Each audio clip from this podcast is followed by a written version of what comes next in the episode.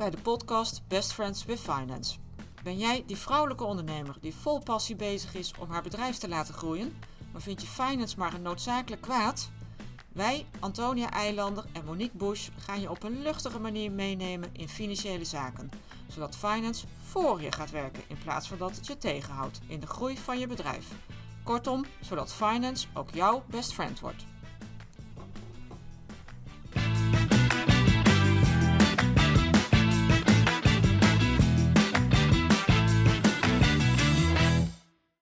Hallo, welkom bij een nieuwe podcast Best Friends with Finance. Antonia en ik zitten weer hier naast elkaar, zoals we dat uh, alle afleveringen al uh, gedaan hebben. We hebben weer uh, zin om een podcast op te nemen.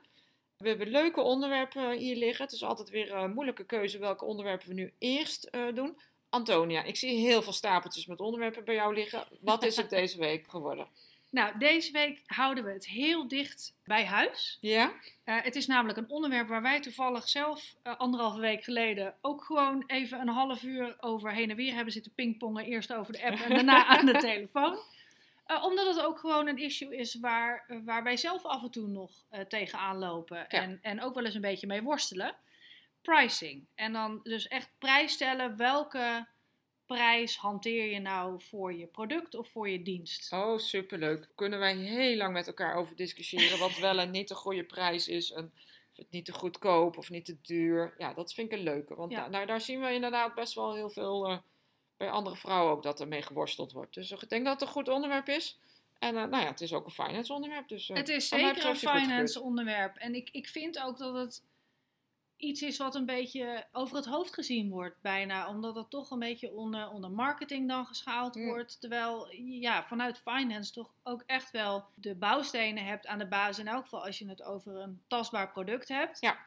Dat je daar als finance ook echt wel bij betrokken bent om die bepaling te maken van waar, waar land je dan qua prijs voor, ja. je, voor je product. Ja, Heel mooi. Ja, en de regel is, als het ons bezighoudt, dan is het ook voor andere ondernemers interessant. Boeiend. Ja. Uh, dus die, die pakken we mee. Ja. Voor degenen die het interessant vinden, in mijn geval ging het om een, uh, kunnen we ook eerst wel even delen. In mijn geval ging het dus om een dienst. Ik was gevraagd om ergens te komen spreken en dat mocht ik betaald komen doen.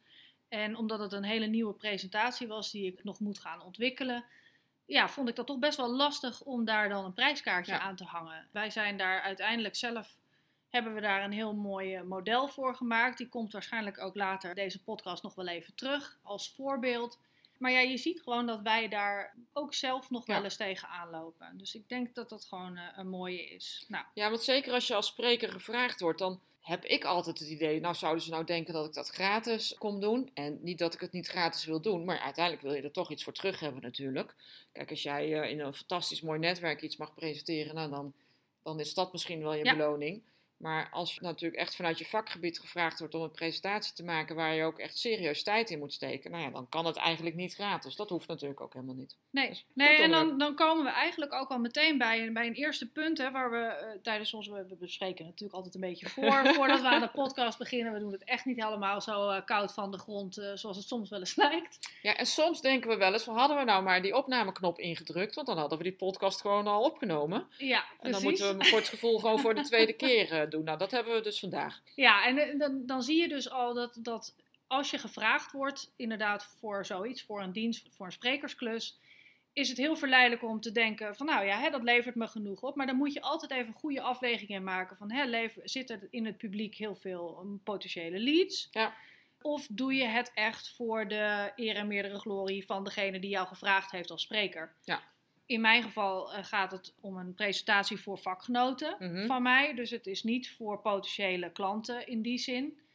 Bovendien is het een partij waar ik gewoon al heel lang mee samenwerk en meerdere klussen uh, samen en voor heb gedaan. Dus ja. ja. zij gaven zelf ook al wel aan dat het, dat het een betaalde opdracht was. Hm. Maar het is voor jezelf belangrijk dat je daar ook niet te angstig voor bent om dan te vragen om betaald te krijgen als ja. het voor jou uiteindelijk niet echt iets potentieel oplevert. Nou ja, en als je het niet vraagt, krijg je het sowieso niet. Nee. Hè? Daar ben ik altijd van. Als je die vraagt, is het antwoord sowieso nee. Nee, uiteindelijk uh, hebben we allemaal wel genoeg wijnflessen uh, in die rekjes staan thuis. En, uh, of, of, een bosje bloemen kopen we ook nog wel eens. Of krijgen we ook nog wel eens in het weekend. Ja. Dus ja, dat, dat is altijd heel, heel leuk. Maar ja, daar, daar hoeven we het natuurlijk uiteindelijk nee. niet voor te doen. Nee.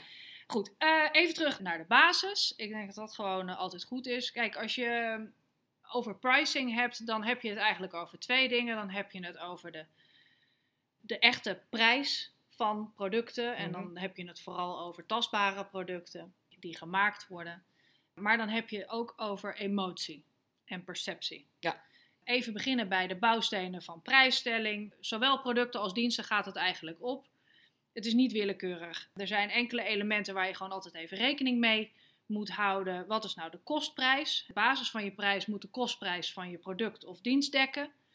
Dus dan heb je het over grondstoffen, arbeid, overheadkosten, winstmarge.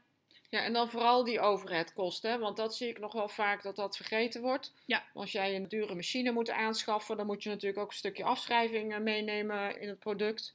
Als jij bepaalde materialen moet inkopen waar je de helft van overhoudt, maar omdat dat de minimum bestelhoeveelheid is, moet je dat eigenlijk ook erin verrekenen. meenemen. Het kantoor wat je erin hebt. Het marketingteam wat je hebt om het aan de man te brengen. Eh, Alle- vergeet ja. vooral al, je, al je, je flexibele schil die je nodig hebt om het, je bedrijf draaiende te houden, zodat je je producten kan vermarkten.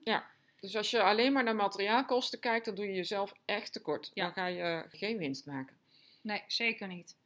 Dat is één van de elementen waar je, eh, waar je rekening mee moet houden. Concurrentie is een tweede element waar je echt naar moet kijken. Kijk naar de prijzen van je concurrent om te bepalen waar jouw aan- aanbod zich positioneert in de markt.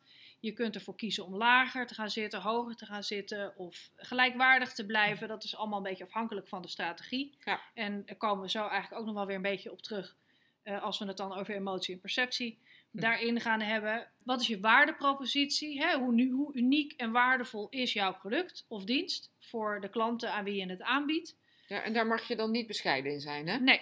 Daar hadden we het net in de voorbespreking ook over. Ja. Als je natuurlijk, Antonia is echt expert op het gebied van credit management. Soms doet ze dat met eh, twee vingers in de neus, zoals we dat zeggen. Maar dat wil natuurlijk dan niet zeggen dat het heel weinig waard is. Maar dat is gewoon omdat ze heel erg ervaren en heel veel expertise heeft. En dat mag zich uiteindelijk natuurlijk ook gewoon terugvertalen in de prijs.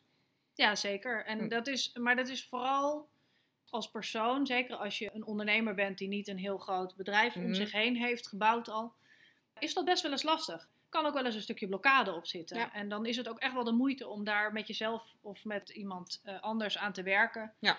Om jezelf daar meer op waarde te schatten, letterlijk. Als we terugkomen op die waardepropositie, van dus ja, hoe, hoe, uniek, hoe uniek en waardevol is, is jouw product of dienst? Want klanten zijn vaak gewoon bereid meer te betalen voor iets wat hun meer voordelen biedt. En dan als laatste, waar je eigenlijk rekening mee moet houden als je een reguliere prijsstelling doet, is de marktvraag. Pas je prijs aan op basis van de vraag in de markt. Als er hoge vraag is, kun je potentieel hogere prijzen vragen. Ja. En dat is ja, gewoon de vraag en aanbod. Dat Ja. is eh, gewoon vrije marktwerking. Ja. Ja, en dan zit ik meteen even terug te denken aan mijn interimtijd. Ik werd eigenlijk best wel veel gevraagd voor opdrachten. Eigenlijk zoveel dat ik of dag en nacht aan het werk was of nee moest zeggen. En op een gegeven moment dacht ik van ja, maar als ik zoveel gevraagd word, misschien ben ik dan wel te goedkoop. Misschien Ja. moet ik dan wel gewoon mijn, Oh, dat is heel herkenbaar. mijn Ja. tarief eh, verhogen. Want ja, jij zegt, jij zegt vraag en aanbod. Ja, dat is het natuurlijk ook. Als je heel veel gevraagd wordt, nou ja, dan moet je zorgen dat er wat minder vraag komt. En dan doe je dat ja, door je prijs te verhogen. Dat, dat is ook vraag en aanbod. Dus Ja. dan maakt het jezelf ook wel weer gewoon makkelijker. Als ze voor je in de rij staan, ja, dan mag je ook gewoon meer vragen. Nee, absoluut waar. Ja, dus dat gaat dan echt, echt om, om daadwerkelijke producten, maar ook om diensten Ja. en ook om jou als persoon. Het kan ook als je interim bent of als je een bepaalde eh, presentatie of bepaalde opleidingen biedt, cursussen. Is dat gewoon belangrijk. We hebben het al een aantal keren genoemd. Emotionele uitdagingen die veel ondernemers ervaren bij het bepalen van de prijzen. Hè. Je bedrijf is toch, het product is een beetje je baby. Ja, je vindt het toch ook wel een beetje moeilijk om los te laten hè, of om daar dan een prijskaartje aan te hangen. Tegelijkertijd, als je het dan over diensten hebt Mhm. en diensten die jij dan als expert verleent, ook dan is het soms extra lastig Ja. om een prijskaartje aan, je, aan jezelf en aan je eigen Hm. waarde, Ja. dat is wel een mooie woordspeling, aan je eigen waarde te hangen. En om daar een prijskaartje voor op te stellen. Waarom is dat nou zo moeilijk? Dat heeft te maken met zelfwaarde. Hè? Ondernemers kunnen worstelen met hun eigen waarde en twijfelen of ze wel genoeg waard zijn om de prijzen te vragen die ze eigenlijk verdienen. Hadden we het net al even over. Dan is het ook echt de moeite waard als daar een blokkade op zit bij je. Om daar eh, ja, professionele Ja. hulp bij te zoeken. Het is echt belangrijk om daarin te onthouden dat je expertise gewoon heel waardevol Ja. is. Hoe makkelijker het lijkt voor jou, hoe ingewikkelder het vaak voor een ander Ja. is, omdat jij het gewoon al heel veel gedaan hebt. Ja. Andere factor die daarin meespeelt is angst voor afwijzing. Ja. Vragen van hogere prijzen kan leiden tot angst voor afwijzing eh, door klanten. Maar ja, ook hierin is het belangrijk om te onthouden, wat Monique net ook al zei. Mensen zijn bereid meer te betalen voor kwaliteit. Nou, en sterker nog, ik betrap mezelf er wel eens op als ik op zoek ben naar, eh, naar iets. Dan heb ik altijd het idee, als het duurder is, dat het dan ook meer kwaliteit eh, biedt. Ja. Dat is bij mij altijd een soort vooronderstelling. Die moet dan natuurlijk altijd even toetsen of die klopt. En ik vind dat ook altijd wel met een uurtarief. Als je op interimbasis werkt of als je een opleiding aanbiedt. Als ik dan een opleiding van 200 euro langs zie komen, dan denk ik van nou, dat kan niks zijn. Wat kun je nou voor 200 euro eh, verwachten? Terwijl als het een opleiding is voor 2000 euro, dan denk ik van nou, dat moet echt wel een goede opleiding eh, zijn. Dus misschien dat kwaliteit en prijs ook wel op die manier aan elkaar gekoppeld zit. Ja, ja en dat is, dat is eigenlijk dat stukje perceptie, Hmm. waarin, waar, waar je vaak vanuit die emotie en die prijsopbouw toch wel terechtkomt. Het is Ja. ook gewoon een stuk, ja, bijna een stuk vooroordelen. Hm. Die we allemaal toch wel hebben op het gebied van prijzen en Ja. waarde die iets heeft. En die we gelinkt hebben aan de hoogte van een prijs ergens voor. Prijselasticiteit is ook nog iets wat je mee kan nemen in je, eh, als we het dan hebben over emotie, die vastzitten aan prijzen. Begrijp dat als de vraag verandert, de, ook de prijs, de, vraag kan veranderen op het moment dat de prijs verandert. Die is ook heel belangrijk. Je kan er ook gewoon echt wel in experimenteren. Ja. Zeker als je inderdaad cursussen hebt of eh, producten die je wat vaker kan Mhm. verkopen. Hè? Als het nou eh, eenduidig een, eh, jezelf of je eigen uren, als je interim iets heel gerichts doet, dan is dat wat lastiger. Maar anders kun je echt wel wat experimenteren Ja. met je prijzen. Wees transparant. Hm. Is denk ik een tip die ik wel mee wil geven. Er is helemaal niet erg, om nog even terugkomen op het voorbeeld wat we aan het begin, waar dit eigenlijk op gebaseerd is. Uiteindelijk hebben we toch gewoon het teruggerekend naar het aantal uren wat het mij gaat kosten. Daar zijn we mee begonnen. Ja. Daar zijn we mee begonnen. Van goh, wat, wat is er nou eigenlijk allemaal nodig? En dat is in die zin ook eigenlijk gewoon kostprijsberekening. Hè? Want je gaat gewoon kijken van nou hoeveel uren gaat het mij Ja. kosten om dit te ontwikkelen. Om de, om de mooie presentatie van te maken. Hoeveel uren heb ik nog nodig voor input, output met de leverancier, met de afnemer. Je wil daar gewoon een, een goed plaatje van maken. En er is helemaal niks slechts aan om daar dan aan jouw uurtarief of om jouw uurprijs iets aan te hangen waarmee je dan op een gegeven moment vermenigvuldigt en zegt, nou dit is wat het ongeveer Ja. moet kosten, want dit is wat het mij gaat kosten. Nou, en aan ik denk, tijd. als je dat ook doet, dat mensen dat zich dan ook pas realiseren, zoals met de presentatie voor jou, dat kost echt serieus tijd om dat goed Ja. voor te bereiden. Nou, je was ook nog gevraagd om twee of drie artikelen te schrijven, wat ze konden gebruiken in aanloop naar eh, die presentatie. Je moet misschien na de rand nog wat eh, doen. Dat kost echt gewoon veel tijd. Ja. En zeker als je nou, op interimbasis werkt, dan, dan zijn je uren, dat is het schaarse goed. Dus dat moet je echt wel goed eh, presenteren. En ik denk als je het uitlegt, van jongens, ik heb een beetje zo en zo gerekend, dat niemand dan denkt van nou, dat is echt Dat is een heel raar. raar bedrag. Nee. Terwijl je inderdaad soms hebt dat je een. Als je alleen maar een bedrag neerlegt ergens voor, dat je zegt, nou, dit is wat het kost. Dan hebben ze misschien zoiets van, wow, dat, Dat is, echt, eh, dat is echt een flinke prijs. Terwijl als je daar dan onder eh, gewoon aangeeft van, nou ja, dat heb ik eigenlijk een beetje zo opgebouwd. Want ik verwacht dat het me minimaal dit aan uren gaat Ja. kosten. En dan een beetje zo opgebouwd in verschillende categorieën. Ja, dan krijg je er eigenlijk ook is mijn ervaring in elk geval, in, zeker in dit voorbeeld, krijg je daar gewoon niet eens vragen over en wordt het gewoon geaccepteerd. Dus wees ook niet bang om ook als je een prijs voor het geheel neerlegt, Mhm. om het toch te onderbouwen vanuit, eh, vanuit een stukje uren. Hè. Er, er is een enorme gang op dit moment in ondernemersland, vooral in de ZZP slash interim wereld, van we moeten uit het uurtje factuurtje en we Ja. moeten naar eh, projectbasis, we moeten naar hele prijzen Hmm. en, en project- en trajectprijzen. En daar ben ik ook helemaal voor. Eh, wat ik tegelijkertijd zelf persoonlijk wel merk, is dat de markt daar nog niet Nee. zo heel klaar voor Nee. is. Die vinden dat toch nog wel heel erg prettig. Dat uurtje factuurtje, dat snappen ze. Nou, lekker Eh, meetbaar. En ja, is lekker meetbaar. Als jij dan komt vervolgens van, nou ja, je kan eigenlijk voor minder geld krijg je hetzelfde resultaat. Dan Ja. krijg je toch een soort error aan de andere kant. Van, nou, maar dat kan niet. nee, wat doet Want ze dan, daar dan, dan, word je, dan word je eigenlijk te Hm. goedkoop. Dus ik ga nou de volgende keer gewoon proberen. En dan gooi ik er gewoon nog een flinke dot Ja. bovenop. En dan eens kijken of, Of het wel werkt. Of ze het dan denken van, oh, maar nou is ze nog duurder. Nou, dan zal ik er wel meer voor krijgen. Misschien is dat dan de gedachtegang. Nou ja, en je bent natuurlijk, ik zit even door te denken, je bent een beetje dief van je eigen portemonnee. Want hoe meer ervaring en expertise je hebt, hoe sneller je iets kunt doen. Dus hoe beter je wordt, hoe goedkoper je dan zou zijn voor een opdrachtgever. Want ja, dan kun je iets wat je in het begin misschien in vijf uur deed, kun je dan in een uur doen. Ja. Terwijl, nou ja, eigenlijk zou je gewoon die vijf uur moeten rekenen. En misschien wel veel meer als vast tarief.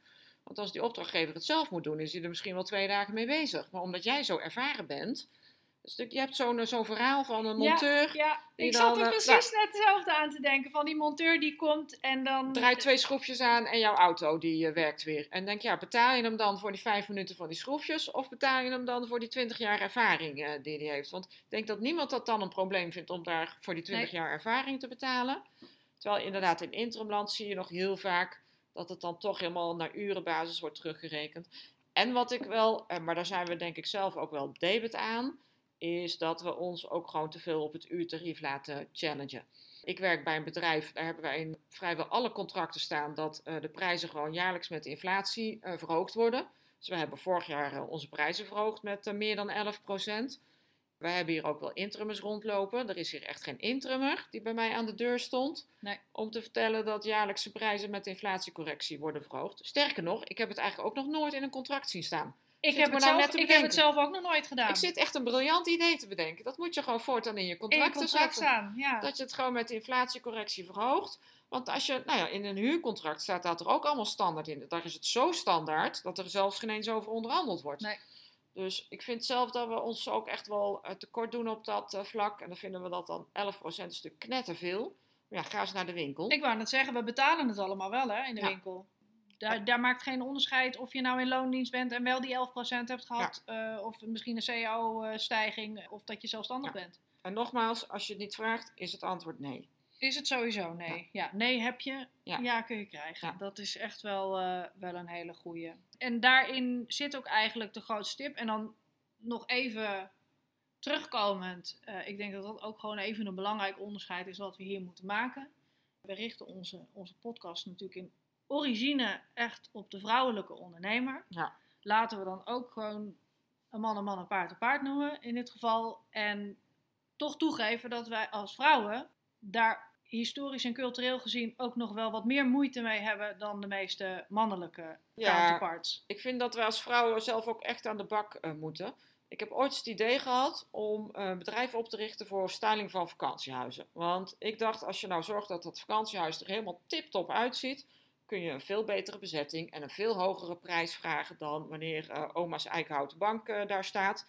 Dus ik had daar eh, opleidingen in gevolgd, kon plattegronden tekenen, ik had allerlei stylingcursussen gevolgd. Dus ik had me daar Knijtergoed businnesplan waarschijnlijk gemaakt, hè? Want we hebben Uiteraard. natuurlijk over de ondernemingsplan. Uiteraard, het, is, ja, het is pas een plan als het op papier staat. Dus- en ik wilde daar ook echt een businessmodel van maken. Omdat je natuurlijk, ik had ook zelf vakantiehuizen die ik op die manier had ingericht. Dus ik kon ook gewoon echt onderbouwen, jongens, dit werkt. Eh, mijn vakantiehuizen waren 48 weken per jaar verhuurd. Dus ik kon echt ook aantonen dat het werkte. Alleen waar ik eh, de meeste moeite mee had, was al die, eh, vooral vrouwen, al die concurrenten die dat eh stylingwerk er dan maar een beetje bij doen. Die dan zeggen, ja, daar kun je eigenlijk niks voor vragen. En ja, wat, wat doe ik dan nou eigenlijk? Dus dan zet je jezelf onwijs laag neer. Terwijl ik had gewoon echt serieus geïnvesteerd in cursussen. En ga eens een plattegrond eh, tekenen en invullen. Dat kost echt heel veel tijd. Eh, dus ja, je hebt wel zeker. En ja, nou, je hebt een auto nodig om ergens naartoe te gaan. Een goede computer, want je moet allemaal grafische tekeningen kunnen maken. Dus het is helemaal niet dat het niks kost. En, eh, dus ik ben er uiteindelijk mee gestopt, omdat ik gewoon de concurrentie van, van die hobbyende vrouwen er eigenlijk niet bij kon hebben. Waardoor Ja. het model niet van de grond kwam. En ik geloof nog steeds in dat dat wel zou kunnen. Alleen, ja, omdat er dus dan, dan toch heel veel vrouwen zijn. En ik denk dat je nog veel meer voorbeelden kunt verzinnen. Waar er heel veel concurrentie loopt die er eigenlijk niks voor durft te vragen. En dan denk je, ja, stop daarmee. Stop ja. gewoon mee die stoppen. verpesten het eigenlijk Ja. voor, de, voor de. Want, want uiteindelijk zijn de kosten natuurlijk gelijk. Ja. Zij hebben ook die kosten en hebben misschien de drive niet om er in die zin echt een serieus bedrijf van te maken. Of misschien de noodzaak niet. Je ziet toch vaak ook een beetje, nou ja, man lief geeft ze een, een beetje investeringsgeld en dan zijn ze ook lekker, eh, Lekker bezig. lekker bezig. Ja, dat is iets waar wij lichte, alle, lichte allergie voor hebben. Van, nou, ik ben toch gewoon lekker bezig. horen we ook wel eens van ondernemers waarvan wij dan nog denken: oh, jij bent echt gewoon zo goed. Ja. En je hebt het zo voor elkaar. En die zeggen dan ook over zichzelf: Nou, ik ben gewoon lekker bezig. Ja, stop denken, daarmee. Nee, Niet zeggen. kom op. We zijn een bedrijf, we nemen dit serieus. En we willen ook gewoon serieuze prijzen vragen voor Ja. het serieuze werk wat we leveren. Ja, Maar ik ben met je eens, dan heb je wel een probleem in die zin dat als je concurrentie, en dan komen we eigenlijk weer terug bij die eerste bouwstenen van die, eh, van die prijsstelling, als je concurrentie dusdanig de markt impact met die hele lage prijzen, Hm. ja, dan is het, ondanks dat jij een hele goede waardepropositie Ja. hebt en een goed eh, onderbouwd plan, ja, is het toch heel lastig om dan door te breken. Ja. Dus ik snap wel dat je dan op een gegeven moment zegt van, nou ja, weet je, da- daar kan ik niet, daar kan ik niet tegen opboksen. Nee, die snap ik wel. Aan de andere kant, ik moet altijd denken aan die keer dat jij naar Parijs was geweest. Dat je drie dagen lang in allerlei winkels had gestaan met dure Chanel-tassen om je heen. Eh, de kostprijs van een Chanel-tas is natuurlijk echt geen 5000 euro. En als je dan drie dagen lang in winkels hebt gestaan met tassen van... eh, 6, 7, 8, 9000 ja, euro. dan, ja. dan vind je een tas van 2000 euro vind je dan opeens Nee. niet meer zo duur. Terwijl als jij eerst naar de markt gaat en je ziet er allemaal tassen van een paar tientjes liggen, dan ga je never nooit een tas van 2000 euro kopen. Nee, nooit. En dat vind ik altijd, die, die prent ik ook altijd bij mezelf in. Het is ook maar net in welke kringen je je begeeft en waar je je aan wil meten. Dus ga je inderdaad aan de onderkant van de markt zitten en ga je iets leveren waarvan iedereen denkt van nou dat kan ook niet heel veel kwaliteit zijn. Of ga je echt aan de bovenkant zitten en laat je dat eh, zien. Ja. Ik vind ook, eh, hoe heet dat merk nou? Van Nikki Plessen. Ja. Daar, eh, zij, als je naar haar posts op social media kijkt, dan zie je haar kleding en dan altijd een hele dure handtas. Hele dure tas erbij. Ja, Dat doet het gewoon waanzinnig goed. onwijs goed. Ja. Want dan, daardoor wordt haar kleding eh, lijkt er ook gewoon veel, eh, veel duurder uit te zien. Terwijl als je met een tas van, eh, van de HEMA zou lopen, dan gaat die kleding ook een beetje richting het niveau van de HEMA. Dus het is, ik denk dat het misschien wel meer emotie is. ja, brand het is toch eens echt branding. Branding, ja. Van Ja. hoe, hoe zet je het neer? Wat, wat associeer je ermee? Hm. En hoe doe je op die manier? En dan komen we toch weer terug bij die emotie Ja. en bij die perceptie. Wat is het gevoel wat iemand krijgt bij het product wat jij, eh, of bij de dienst die jij aanbiedt? Ja. Nou, en ik denk dat dat ook gewoon een hele mooie eh, afsluiter is hiervoor. Het Ja, is, en nogmaals, wij worstelen hier dus ook mee. Hè? En wij Ja. bellen dan met elkaar om weer, elkaar weer even scherp te houden. En eh, dus als je inderdaad hiermee worstelt, zoek even een maatje op. Waar je gewoon even lekker mee kunt sparren om je weer eh, op het goede pad te zetten. Ja, precies. En onthoud ook gewoon dat echt prijsstelling is een voortdurende evolutie. Je hoort ons net ook over die inflatiecorrecties. Je hoort ons ook over hè, elasticiteit, eh, vraag en aanbod. Weet je, het is gewoon hartstikke oké om af en toe aanpassingen te maken. Blijf gewoon leren en blijf groeien. Ik vind het een mooie afsluiting van deze podcast. Dank voor het luisteren. Wij gaan eh, zo meteen nog even door met het opnemen van andere podcasts. We doen dat altijd achter elkaar. En, nou, dankjewel en tot de volgende keer.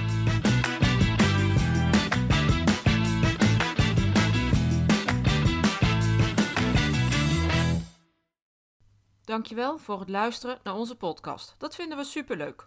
Als je onze podcast waardeert, zou je ons dan een review willen geven in de podcast-app. Dat kan door bijvoorbeeld 5 sterren te geven in Spotify. Daar zijn we blij mee en zo wordt onze podcast beter vindbaar voor andere vrouwen. En vind je het leuk om contact met ons op te nemen? Dat kan dan via LinkedIn. Tot de volgende keer.